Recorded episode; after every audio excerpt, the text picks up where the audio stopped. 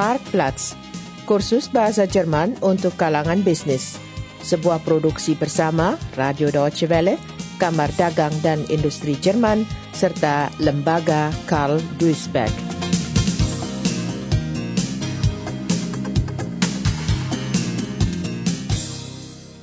Episode 7 Pembiayaan Perdagangan Luar Negeri Duduk di kursi empuk di pesawat terbang sambil mereguk sampahnya.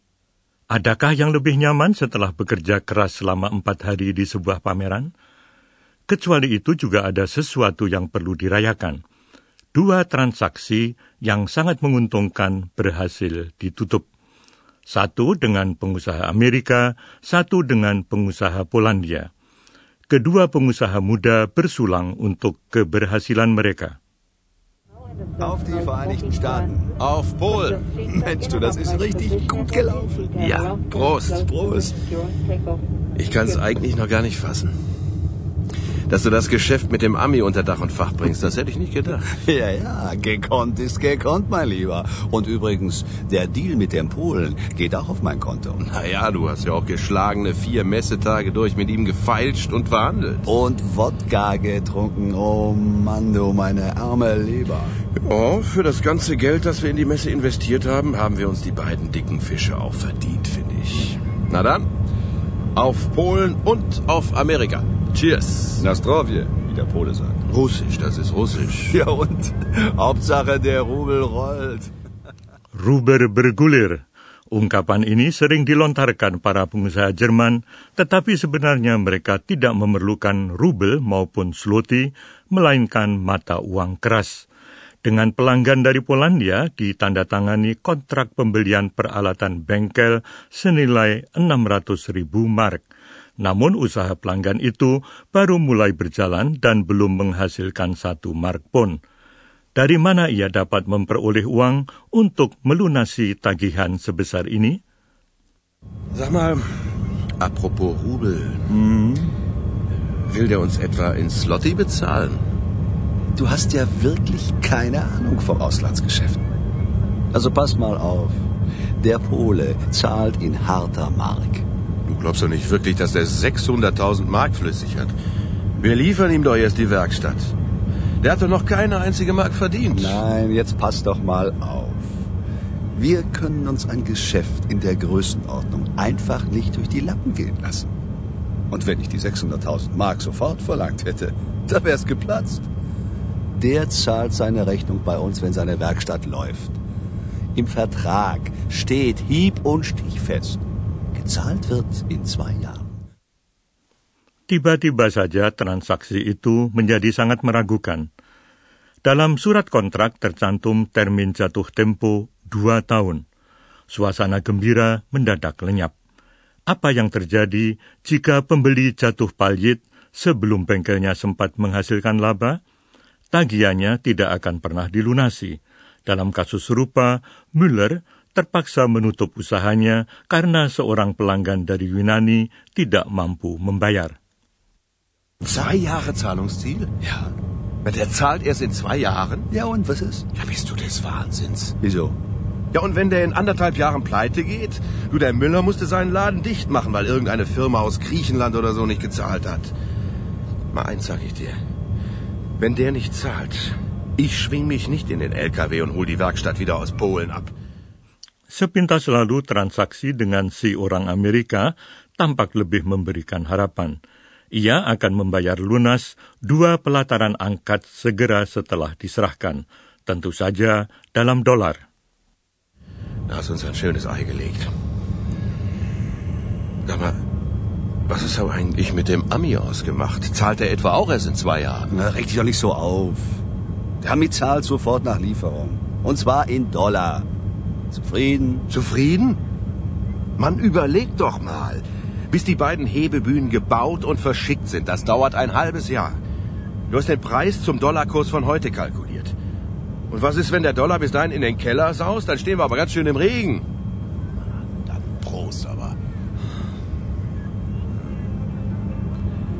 Irgendwie ist da was dran, du hast recht.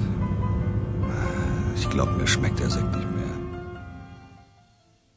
setengah tahun akan berlalu sebelum pelataran angkat selesai dirakit dan dikirim.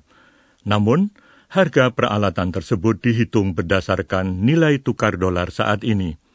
Apa yang akan terjadi jika nilai tukar dolar merosot tajam?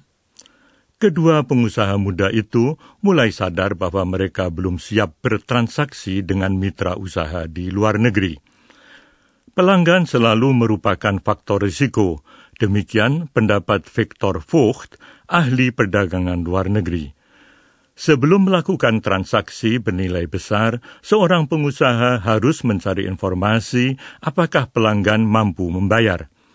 Risiko juga timbul apabila terjadi pergeseran batas waktu pembayaran.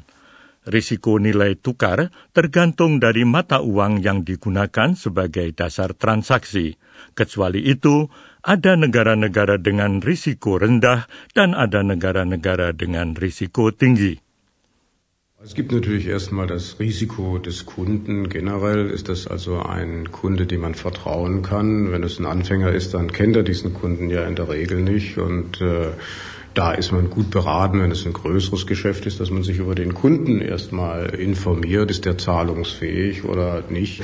Das zweite Risiko taucht dann auf, wenn, was sehr häufig passiert, der Kunde nicht genug Geld hat oder wenn er das Geld nicht gleich hat, sondern also bestimmte Zahlungsfristen eingeräumt werden müssen. Da gibt es dann das Transferrisiko nachher, je nachdem, um welcher Währungsbasis das Geschäft abgewickelt wird. Und dann gibt es drittens Länderrisiken an sich. Das heißt, äh, da gibt es ja Einteilungen, welche Länder als weniger riskant gelten, welche als besonders riskant gelten. Es gibt politisches Risiko, es gibt Transportrisiken, es gibt unendlich viele Risiken. Kedua pengusaha muda tersebut belum pernah memikirkan risiko-risiko seperti ini. Surat kontrak telah ditandatangani dan peralatan bengkel mobil harus dikirim sesuai batas waktu yang ditentukan. Tetapi, bagaimana dengan pembayarannya? Barangkali pihak bank dapat memberi saran? Mereka memerlukan konsultan. Ja, was sind sie also? Die traurigen Fakten über unsere Exportdeals. Wenn ich gewusst hätte, was das für einen Ärger gibt, dann hätte ich die Finger davon gelassen. Nun mal langsam, meine Herren. Immerhin sind Sie ja nicht die einzigen Unternehmer, die ihr Geld mit dem Ausland verdienen. Und was Sie mir da eben geschildert haben, hört sich gar nicht so schlecht an.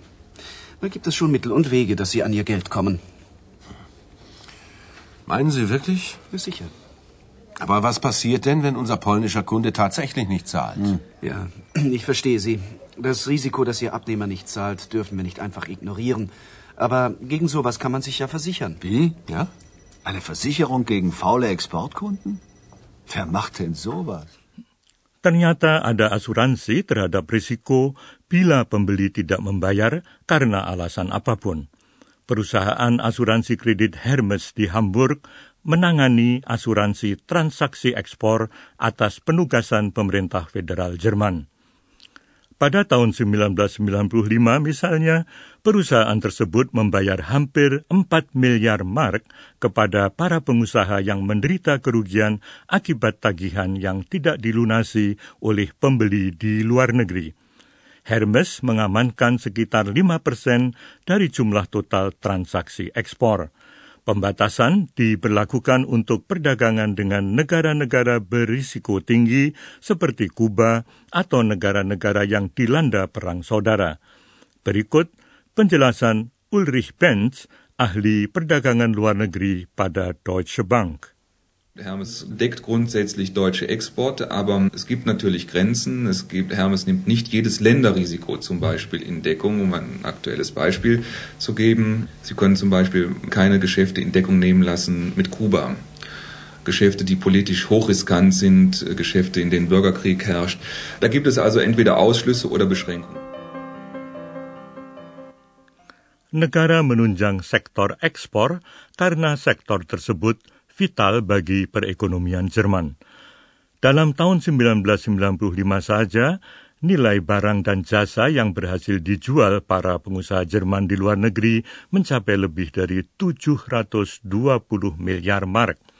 Bagi kedua pemula di bidang ekspor yang menjual peralatan bengkel mobil ke Polandia, 600 ribu mark pun sudah merupakan jumlah yang sangat besar.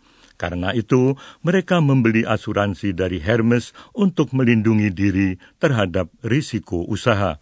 Biayanya 15.000 mark. Peralatan sudah dijual kepada pelanggan namun belum diproduksi. Mereka perlu mengambil kredit untuk kegiatan produksi. Tetapi dari mana? Semua kredit yang disediakan oleh bank sudah dipakai. Soweit, so gut. Bleibt nur noch die Frage, ob wir die 600.000 Mark für das Geschäft mit den Polen zwei Jahre lang vorschießen können. Die müssen wir ja selber als Kredit aufnehmen. Sind das überhaupt noch drin? Unsere Kreditlinie ist ja schon ziemlich ausgeschöpft. Tja, da haben Sie leider recht. Ein Darlehen in dieser Höhe können wir Ihnen nicht einräumen. Das heißt aber nicht, dass Ihr Geschäft nun scheitern muss. In Ihrem Fall würde ich da eher an einen AKA-Kredit denken. AKA-Kredit? Was sind das nun wieder?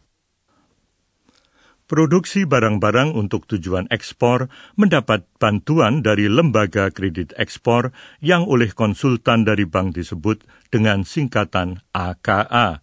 Lembaga tersebut menyediakan kredit apabila pembeli di luar negeri diberi termin jatuh tempo dan termin itu ternyata perlu dibiayai kembali.